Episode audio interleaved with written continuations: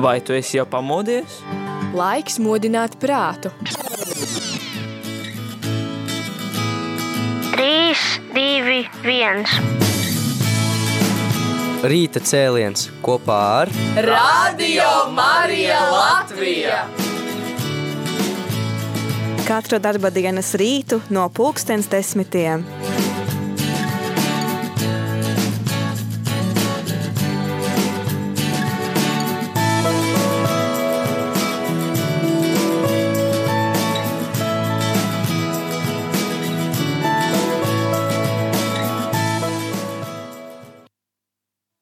Brīdī, kad top šis raidījuma ieraksts, kopš Krievijas iebrukuma Ukrainā ir pagājušas 115 dienas. Ģimenes un apdzīvotas vietas tikušas sagrautas un iznīcinātas.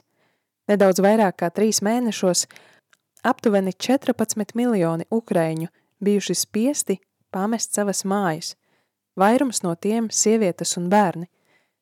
Tādas pārvietošanās mērogus un ātrumus vēsture vēl nav zinājusi – Tā paziņoja ANO Ukrainas krīzes koordinators Amits Avats.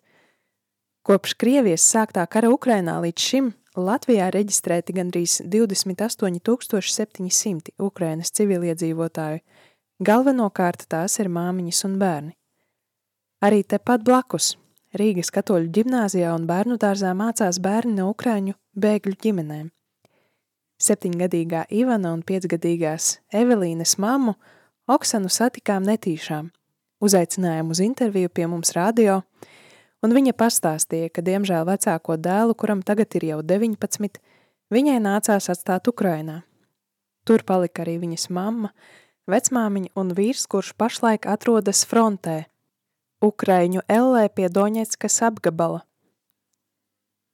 Kad Oksana stāsta par savu lēmumu pamest mājas un par mēroto ceļu līdz Latvijai, Viņa knapi valda asaras, bet ir arī pateicība par visu, kas ir. Laiks gan tagad rit citādi. Tomēr Oksana piemin arī to, ka jūt dieva klātbūtni sev blakus katru dienu un uzskata, ka nejaušības nemēdz būt. Tās visas ir dieva rūpes un gādība par mums. Tad, nu, aicinājām, lai viņa pati pastāsta vairāk. Dobroho ranku! Dobroho ranku! Labdien, меня зовут Оксана. Я очень рада, что я сегодня нахожусь тут. Labdien, mani sauc Oksana, un es ļoti priecājos, ka varu šeit atrasties, jo dzīvē nekas nenotiek nejauši. Dievs ir, kurš mani šodien ir šeit atvedis, un priecājos, ka man ir tāda iespēja ar jums runāt un jūs dzirdēt. Es esmu no Ukrainas, no Хмельницkas pilsētas. Mūsu dzīve bija ļoti laba. Mums ļoti patika dzīvot Ukrainā. Mēs ļoti mīlam savu valsti, savu pilsētu, Hmeņicku. Tā bija laba dzīve. Tā bija ģimene, kura priecājās par katru dienu. Tā bija mūsu nākotne, mūsu plāni. Tā bija mūsu laime Место, где ты любишь ходить на работу, где ты с радостью ходишь на работу. Jo tā ir vieta, kur tu vari iet ar prieku uz darbu, kur tev patīk pastaigāties, kur tu redzi cilvēkus, kas tevi iepriecina. Labāk ir dzīvot tur, kur tev gribās dzīvot un priecātos par to, ka tev tur ir labi. Jā, mums ir ģimene, kas Ukrainā skaitās daudz bērnu ģimene. Mums ir trīs bērni, vecākajam dēlam tagad ir 19 gadi.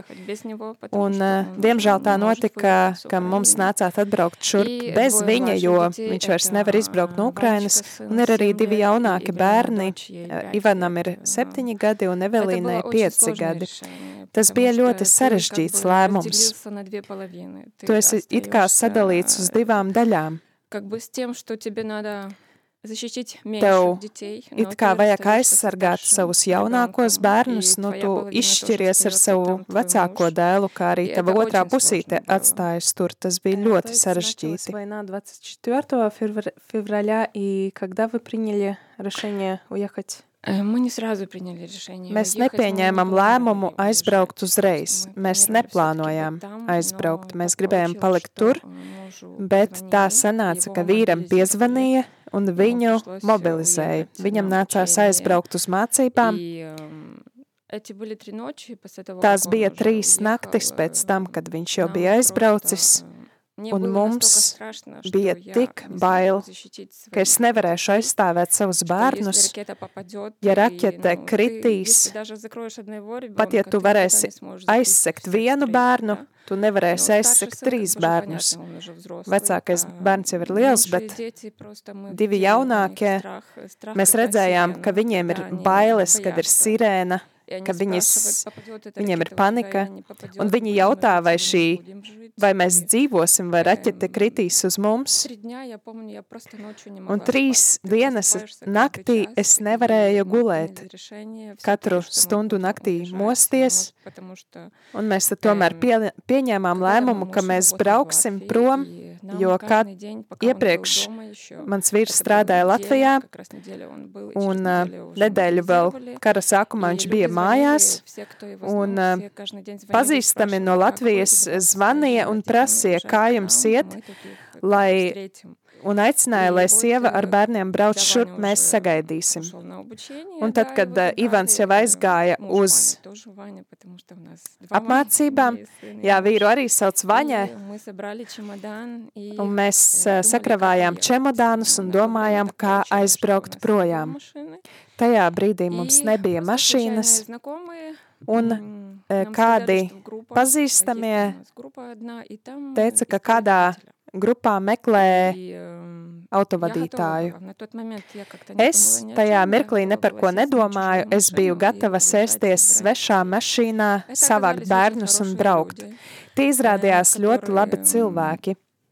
Вот эту, ну как бы, как бы они должны были ехать и вести. Там была бабушка, которую надо было доставить в Германию. Tur bija viena vecāka sieviete, kuru vajadzēja nogādāt Vācijā. Viņa pati ir no Gorlavkas un ļoti ilgi brauca uz Hmeļņicku. Es nesaprotu, kā viņa savā vecumā varēja veikt tādu garu ceļu. Un mēs sastapām šo vecmāmiņu, viņai līdzi bija arī kaķis.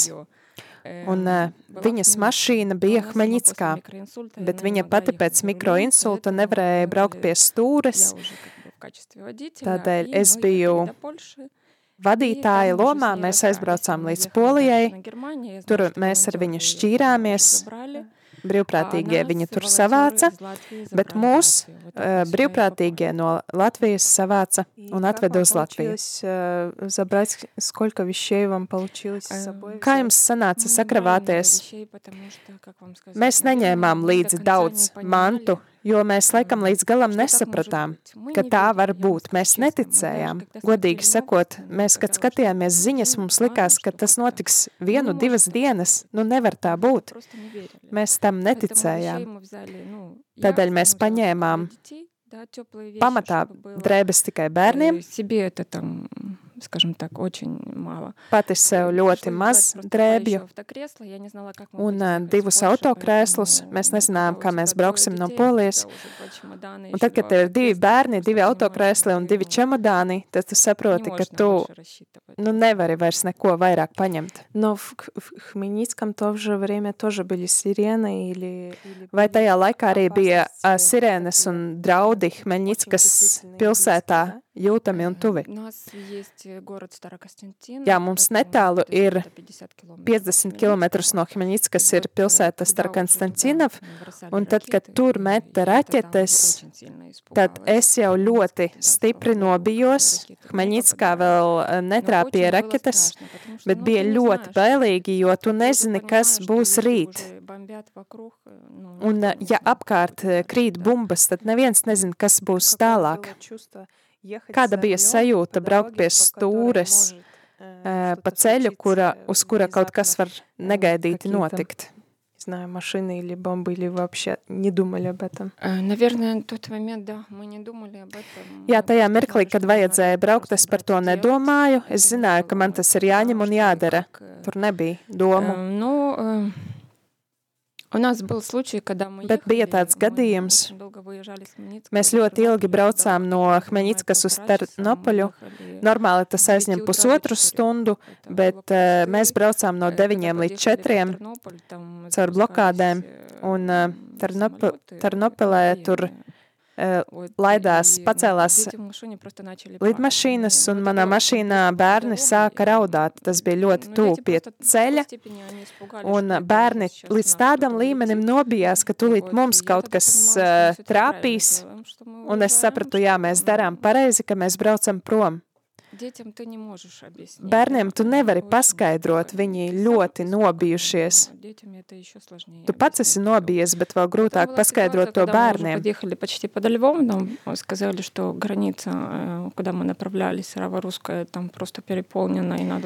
Un kad mēs tuvojamies Ļubovai, tad э, mums pienāca informācija, ka robežas punkts pie Ļovas ir pārpildīts, tad mēs pieņēmām lēmumu braukt pa citu pusi. Un bija gadījums, ka pa ceļu, kuru tu pavisam nezini, mēs braucām, un tur bija mešs, un nezinu, kāpēc tas dega. Mēs nezinām, kādēļ.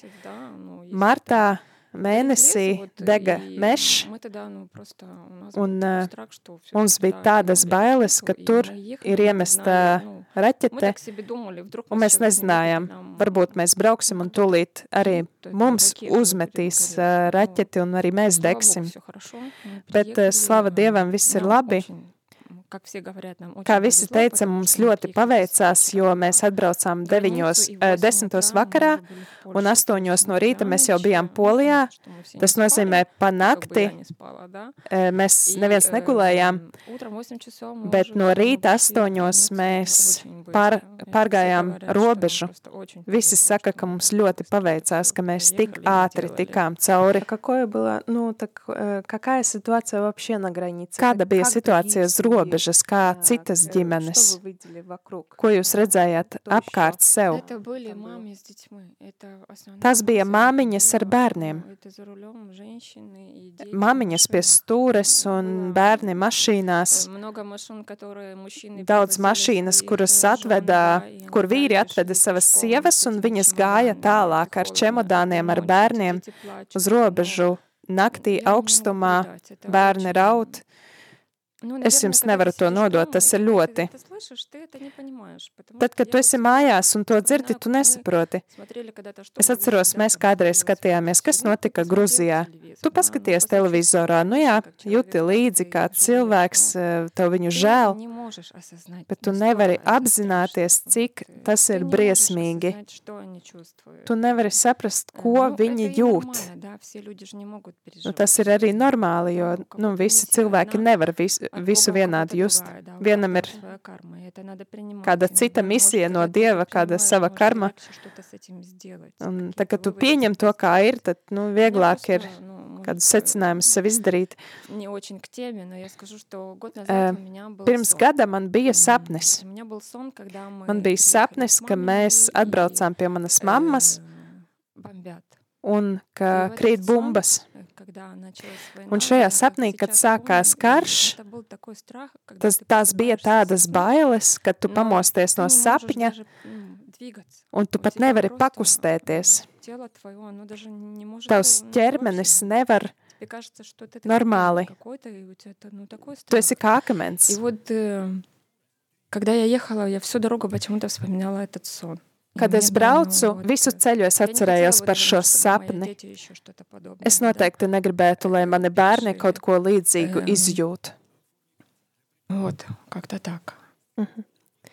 И вот я сейчас понимаю, что я не готова ехать даже вот сейчас в Украину. Un es tagad saprotu, ka šobrīd es neesmu gatava braukt atpakaļ uz Ukrainu, jo man ir bail, ka es iziešu uz ceļa, un tā raķete lidos. Es raugos uz tevi un redzu, ka tu ļoti līdz pārdzīvo par citām māmiņām un bērniem. Tu viņas ļoti labi saproti. Kā šeit Latvijā, kad jūs te atbraucāt? Laikam 6. martā. Es jau neatceros, kura diena, kurš datums, viss tās sajūtas tev galvā, ka tev viss ir kā viena diena. Как один день. У тебя в голове нету там суббота, воскресенье. У тебя в голове только есть война, karš, un kad tas beigsies, ir sajūta, ka laiks ir apstājies. Sajūta, ka šobrīd mēs atgriezīsimies un viss būs kā agrāk, bet es saprotu, ka tā kā agrāk jau tiešām vairs nebūs. Oh.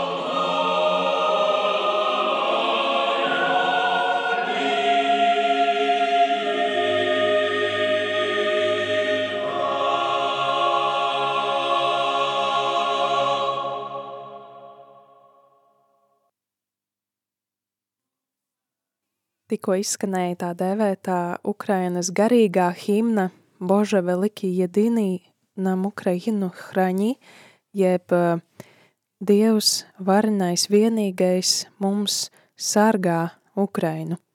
Bet atgriežamies pie sarunas ar Oksanu. Прошло уже больше, более чем 100 дней с начала. Ir pagājušas jau vairāk nekā 100 dienas no aktīvā kara sākuma. Jūs esat šeit Latvijā. Kad jūs šeit atbraucāt? Kas notika? Kāda bija sajūta? Mēs atbraucām šeit un komunicējām ar vīra pazīstamo. Viņš atrada mums brīvprātīgo. Tas bija brīnišķīgs cilvēks. Es viņam esmu ļoti pateicīga. Tāds ļoti atvērts Ceļam mēs iepazināmies, un viņš daudz izstāstīja, un kļuvām mierīgāk. Ļoti patīkams cilvēks, salīdzinoši jauns, bet arī komunikabls un atvērts. Mēs braucām, tā bija nakts, kad mēs atbraucām. Mēs sapratām, ka viņš mūs ved pie cilvēkiem, kurus mēs nepazīstam. Ļoti uztraucies, kad tu brauc tur, kur tu nezini. Tas vienmēr ir kaut kas jauns, kaut kas bailīgs. Mēs atbraucām черного попали в какую-то сказку. Un kā no tādas tumšas pasaules nokļuvām pa, kā pasakā. Es nevaru to paskaidrot, jo tad, kad mēs piebraucām pie mājas, kur mēs palikām, Baldonas pilsētā. Mēs braucām cauri mežam. Man likās, ka viņš, šoferis, nolēma saīsināt ceļu, bet tad mēs pamodāmies, atvērām acis, un tur mūsu priekšā māja, kurš spī, kura spīdēja kā pasakā. Viss ar tādām lampiņām izrotāts. Tu izkāp ārā, un tev ir tāda sajūta, kuru tu nevari nodot. Gribi raudāt, priecāties, it kā zemapziņā atslābināties un atpūsties. Tu vienkārši raudi no emocijām, jo it kā kaut kas labs notiek, bet tu to nevari pieņemt. Mums sagaidīja Valdis un Dace, brīnišķīgi cilvēki, arī ļoti atvērti un brīnišķīgi. Mēs atbraucām kā uz mājām. Tur vēl mūs sagaidīja divi suņi, tur bija trīs bērni. Un emocijas pārpildīja. Mēs nosēdējām ar viņiem kopā līdz vieniem naktī, un bija sajūta, it kā tu visu dzīvi esi pazinis šos cilvēkus. Tā mūs sagaidīja. Latvija bija tik viesmīlīga pret mums. Tas ļoti mums toreiz palīdzēja, jo tajā stāvoklī, kurā mēs atbraucām, tas bija kā saules stariņš priekš mums. Наверное, неделю мы пожили. И Laikam kādu nedēļu mēs tur nodzīvojām. Man ļoti patika, kā viņi pret mums attiecās. Viņi teica, Oksana, tev ir jākustās uz priekšu. Tev ir kaut kas jādara. Viņi mani uzlādēja ar tādu enerģiju, ar atbalstu, ka neapstājies, tu nevari sēdēt un raudāt. в этом состоянии, она говорит, тебе надо что-то Viņa teica, tev kaut kas ir jādara. Un mēs e, sākām meklēt, ko darīt. E, bērnus uz skolu. Es uztraucos. Bērni šeit neko nezina, ja valodu nezina. Un it kā tāda sajūta, ka tu gribi, bet arī baidies, un kā viss kopā. Bet tad ļoti labi viņi mums atrada skolu, tā ir Rīgas katoļu ģimnāzija. Pirmo reizi, kad mēs atvedām bērnus šeit, Vaņa aizgāja uz bēr, skolu Evelīna uz bērnu dārzu, es no šejienes izgāju ārā, ievedu viņus te un gāju parkā, arkādie parkā, sēdēju raudāju. Я не понимала, как это все пережить. Es nesapratu, kā lai to visu pārdzīvo. Bet vakarā, kad mēs viņus paņēmu, viņi atnāca tādi apmierināti, atvērti, Arī audzinātāji un skolotāji teica, ka jums ir brīnišķīgi bērni. Viņi atnāca pie, kā pie sevis uz mājām. Es nekad nedomāju, ka bērni, atbraucot uz citu valsti, citu skolu, citi cilvēki, ka viņi jutīsies kā pie sevis mājās. Un viņi otrajā dienā prasīja, kad mēs atkal brauksim. Viņiem ļoti patika. Un nebija nevienas dienas, kad viņi sūdzētos par kaut ko vai negribētu iet uz turieni. Es saprotu, ka tie cilvēki, kas šeit strādā, ir patiešām cilvēki no Dieva. Visiem ļoti pateicos par tādu uzņemšanu. Nevaru nodot, cik, tas, cik šeit labi, ka ir tādi cilvēki. Как у тебя эм, с работой? Э, Kā tev ar darbu? Vai sanāca ātri atrast darbu, vai bija grūti atrast?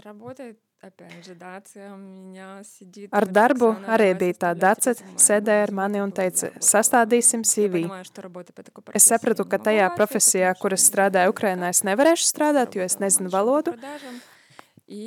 Es, es strādāju kā pārdošanas menedžeris, bet šeit mēs sākām sūtīt savus CV, darba pieteikumus uz tādām organizācijām, un tā sanāca, ka depo paņēma mani darbā, un es esmu pie preču pieņemšanas.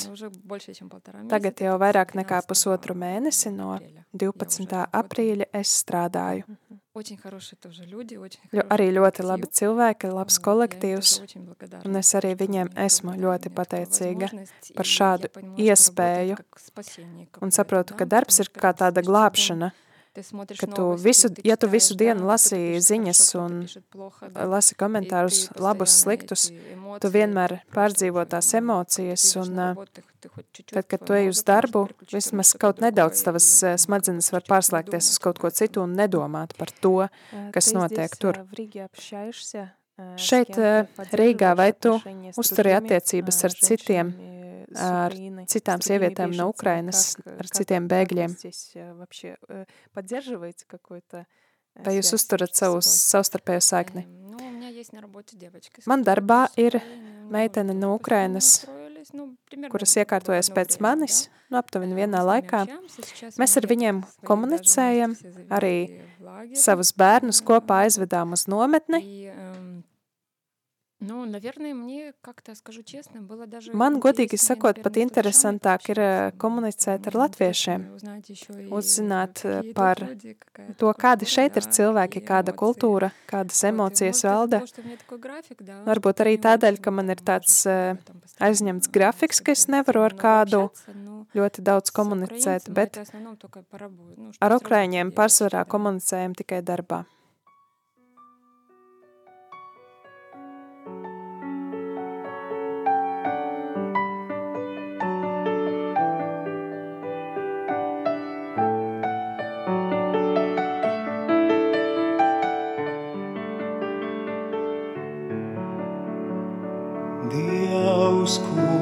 Kungs debesīs, Tevs mūsu, Tevi lūdzamies. Dod mums piedzīvot,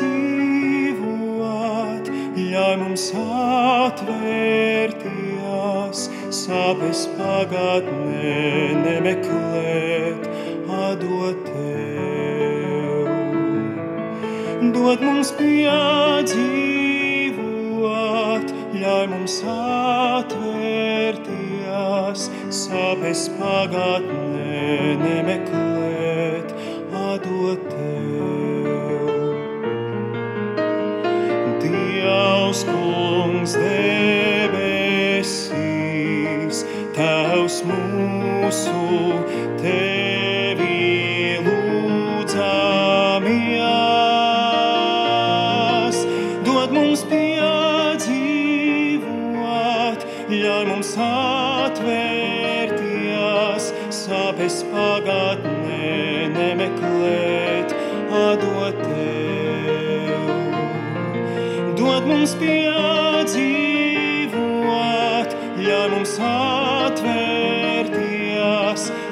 espada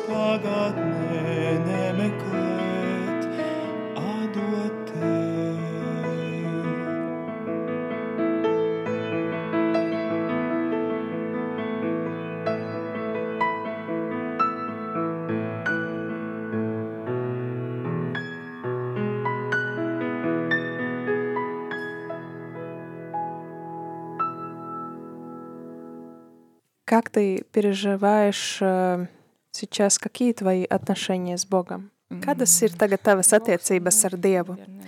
Dievs ar mani ir kopā katru dienu, katru minūti. Es saprotu, ka Bērnībā es vienmēr gāju uz ielas un skatījos debesīs. Un zvaigznes ir sevišķi vasarā, kad tu lūkojies uz augšu, tu saproti, ka ir kāds spēks. Tu vienmēr saproti, ka Dievs, tas arī ir tas spēks, kas tev, kas tev iedeva dzīvību uz zemes.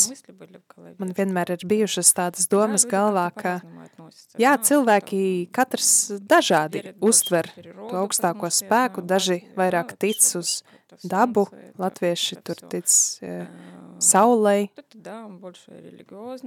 Kāds vairāk reliģiskāk uz to attiecās, bet es uzskatu, ka Dievs tas arī varbūt ir tas viss kopā, gan daba. Kad э, cilvēkam ir ticība, viņam ir spēks. Э, spēks э, pārdzīvot to visu, jo nav nekā augstāka par Dievu. Un kādēļ ir svarīgi ticēt? Tādēļ, ka tas glābi cilvēku, ja tev nebūs ticības, как у тебя есть цели, ты идешь к tev ir, да, так же само Бог. tev ir mērķis, un tā kā, ja tev ir Dievs, tad tev ir ticība. Un ja tev tā nebūtu, tad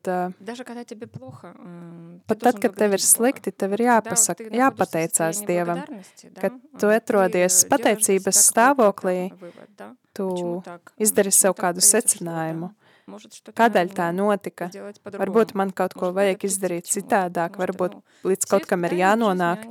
Un visas, visi pārbaudījumi dzīvē atnāk ne tāpat vien, lai tādēļ, lai būtu kāda apziņa, kāpēc arī bērni dzimst, lai kaut ko iemācītu vecākiem, lai parādītu, ko mēs daram nepareizi, Paskatieties uz saviem bērniem, un jūs ieraudzīsiet sevi, savas problēmas. Tas pats arī ar Dievu. Kad tu nāc pie Dieva, tu apzinies, ka tu esi cilvēks, ka tu esi kaut ko darījis ne tā, ko vajag izdarīt pareizāk. Un tā ticība, tā priekš manis ir ļoti liels atbalsts. Es domāju, ka tā nav netīšām, ka mani bērni aizgāja uz katoļu skolu, ka es šobrīd atrodos šajā radio, tā noteikti ir zīme no augšienes priekš manis. Tātad nejaušība nav. Nē, nejaušība nav. Viss iet tā, kā tam ir jāiet. Es tā domāju. Tā ir jābūt, kā ir. Šī ticība vienmēr palīdzēs. Man ir vecmāmiņa, un viņai ir 96 gadi jau. Viņa arī ir pārdzīvojusi karu, viņa ir bijusi izsūtījumā Vācijā, ļoti agri pazaudēja vīru, viņai bija aptuveni tā kā man šobrīd gadu. Mans tēvs arī nomira četrus gadus atpakaļ, viņa paglabāja savu bēr, bērnu, bet viņa vienmēr ir bijusi ticīgs cilvēks. Viņa vienmēr ir lūgusies. Un arī tagad, pat pēc visas tā, ko viņa piedzīvoja, tu aizēji pie viņas un nekad nedzirdi, ka viņa gaustos par kaut ko vai tur pārdzīvotu. Viņa vienmēr lūgusies un pieņēmusi to, kā ir. Tā viņas ticība ir kā piemērs priekš mums. Tu aizēji, saproti, ka vecmāmiņai 96 gadi, viņai grūti, bet viņa ir pie skaidra saprāta un viņa vēl grib kaut ko pastrādāt, kaut ko padarīt. Un skaties uz viņu un saproti, ka tev ir jāmācās no tādiem cilvēkiem. Tev ir jāmācās būt tādam pašam. Neraudāt, neiekrist izmisumā. Tad, kad vīru iesauca, es sāku runāt, kāpēc mans vīrs, kāpēc nekāds cits, bet tagad es saprotu, jā, tāpēc, ka mans ir cienīgs tā, lai to darītu. Un šiet tur arī ar kaut kādu misiju, lai to izdarītu.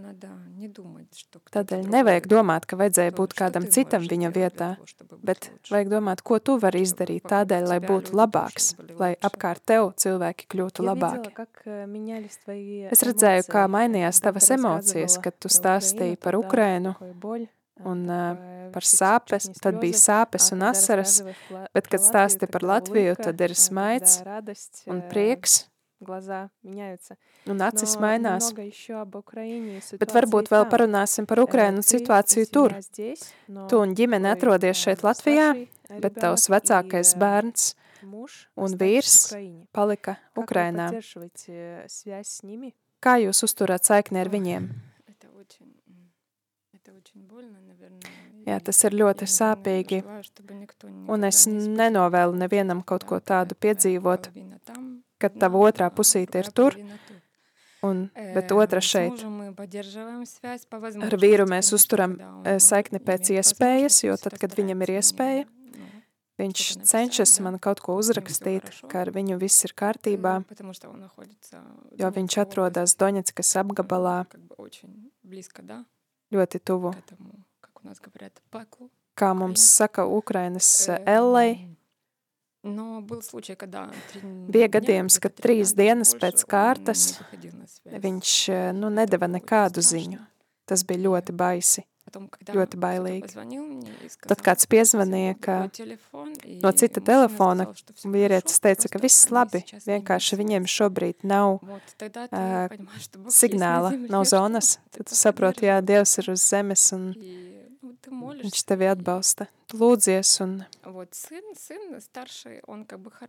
Vecākajam dēlam ir labi, viņš ir malacis, viņš mācījās, tagad viņš aizgāja strādāt, atrada darbu, neskatoties uz to, ka ir kara laiks.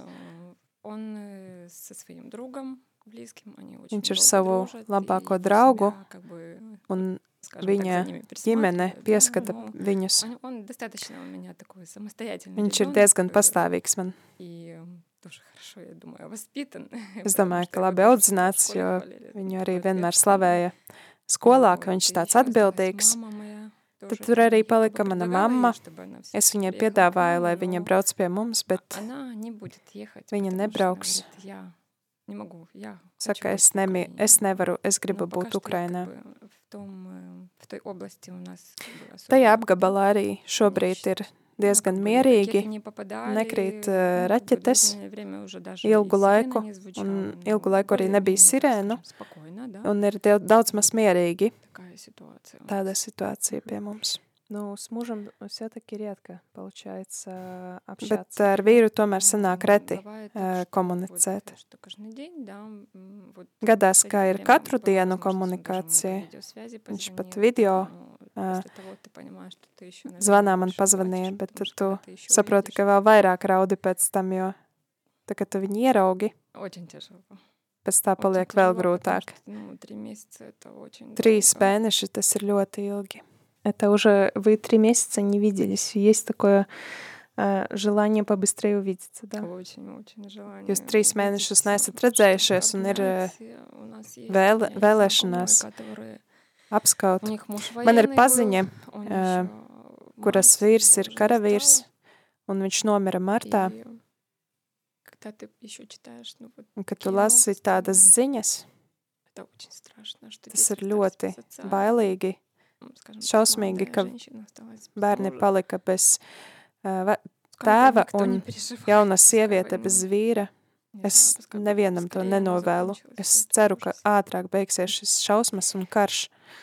Но находясь здесь, в Латвии, в Риге, где спокойно, где спокойно... Bet atrodoties šeit Latvijā, kur virs galvas ir mierīgas debesis un bērni dodas uz nometni, ir darbs, как бы, как бы все есть, но все-таки есть... It kā viss ir, Bet ir arī vēlēšanās kaut kā palīdzēt tiem, kuri palika Ukrainā. Jā, ir tāda vēlēšanās, un šobrīd kādu mēnesi atpakaļ. mans vīrs palūdza, varbūt, ka es varu palīdzēt viņu nodaļai dabūt mašīnu. Es centos caur Ukrainas pazīstamajiem sazvanīties un dabūt kādu mašīnu, bet ir pagājis jau arī ilgs laiks un nav tik labi ar finansēm. Arī Viņi ir izdarījuši daudz palīdzības tieši frontei, viņi nevar palīdzēt, tādēļ es šeit Latvijā arī vērsos pēc palīdzības pie Reiņa Pozņaka, kuri daudz jau ir nosūtījuši mašīnas uz Ukrainu, un ar tiem pazīstamajiem, ar kuriem es jau arī iepazinos, mēs darām visu, ko varam, lai savāktu naudu tai mašīnai, kurie viņiem ir ļoti vajadzīga, lai izpildītu viņu kaujas uzdevumus, jo tur ir slikti ceļi, un tie, tā mašīna, kuriem viņi, kuri, kura viņiem šobrīd ir, tā ir jāvelk pāri kādam nepārbraucamām vietām, kuras jāpāriet arī kājām, tad es daru visu, ko es varu, lai palīdzētu ar to mašīnu, lai arī kaut nedaudz atvieglotu mūsu karavīriem darbu, uzvarēt šo ļaunumu, kas mums nu, tur šobrīd ir. Es saprotu, ka tu neesi vienīgā un ir daudz tādu lūgumu nosūtīt mašīnas uz fronti. Jā, ir ļoti daudz rindā. Ir 70 mašīnas. Ну, примерно, как быстро двигается эта, эта очередь вообще? Cik ātri virzās šī rinda uz priekšu? Es tā konkrēti nezinu, bet tad, kad mēs satikāmies, tad viņi sūtīja kādas 6 līdz 8 mašīnas uz Ukrainu. Es redzēju to mašīnu, kas to pārveda. Saprotu, ka aptuveni katru nedēļu viņi to dara. И как вообще можно помочь, если, например, какой Bet kā vispār var palīdz, palīdzēt, ja kāds klausītājs, kurš dzirdēja tavu stāstu, Возможно, un iespējams, varbūt viņam ir kāda mašīna, ko ziedot, vai arī, ja nav mašīnas, bet ir finanses, tad arī var ziedot tieši šim mērķim, tieši tavam vīram. Jā. Да, у нас есть как бы конт, куда можно отправлять Jā, ir konts, uz kuru var sūtīt naudu, cik kurš var, jo сила не в одном человеке, сила всегда, spēks ir nevis vienā cilvēkā, bet kad daudz un padrusciņai, tad ir, būs kāds rezultāts. Чтобы некоторые люди там, да, много Можно всем по чуть-чуть, тогда мы сможем это сделать. Я буду ja katrs kaut ko nedaudz ziedos, tad viss ir iespējams, un es esmu ļoti pateicīga visiem, kuri var pievienoties kaut kā, palīdzēt, lai tomēr, lai uzvarētu patiesība. Миссия Украины, чтобы un Ukrainas misija, мир весь узнал, что все-таки добро, оно Un lai visa pasaule uzzinātu, ka jā, labais uzvarēs ļaunumu. Un mūsu klausītāji noteikti lūksies par tevi un tavu ģimeni. Atbalstīsim tavus, tavu vīru un tevi, lai Dievs jūs sargā в конце все-таки вы встретились. Un lai beigās jūs visi sastaptos. Paldies, es jums arī visiem esmu pateicīga, lai Dievs jūs visus sargā no visa ļauna, kas var būt. Lai atbalstītu savu vīru un sagādātu to nepieciešamo mašīnu, kas viņam būtu vajadzīga frontē, Oksana ir vērsusies pie biedrības Foundation Agendum, kuras valdes loceklis ir Reidnis Pozņaks, un viņi tad ir arī aizsākuši šo akciju Twittera konvojs Ukrainai, caur kuru jau ir vairāk nekā 200 mašīnas nogādātas uz fronti, tad vēl notiek arī šī te akcija, un ir pirms Oksanas vēl rindā, kā dzirdējām, ir kāda 70 cilvēki, kuriem vajadzīga šādā, šāds šāda palīdzība, bet lai ātrāk nonāktu mašīna tieši pie Oksanas vīra, tad uh, var pie bankas uh, maksājuma uzdevumā norādīt paroli pikulik. Tātad parole ar lielajiem burtiem pikulik. Un uh, biedrības bankas kontu es tūlīt arī nosaukšu ēterā, varbūt, ja tu vari pierakstīt uh, un vēlies ziedot, tad uh, klausies uzmanīgi. Tātad biedrība, Foundation Agendum un bankas konts LV 86 HB 055 105 196 1757. Tātad vēlreiz LV 86 HB 055 105 196 1757 un parole pikulik.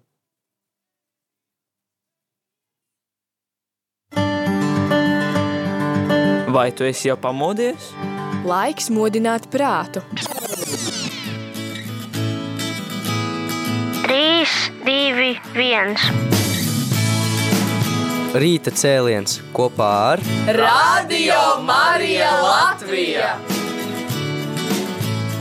Katru darba dienas rītu no pulkstens desmitiem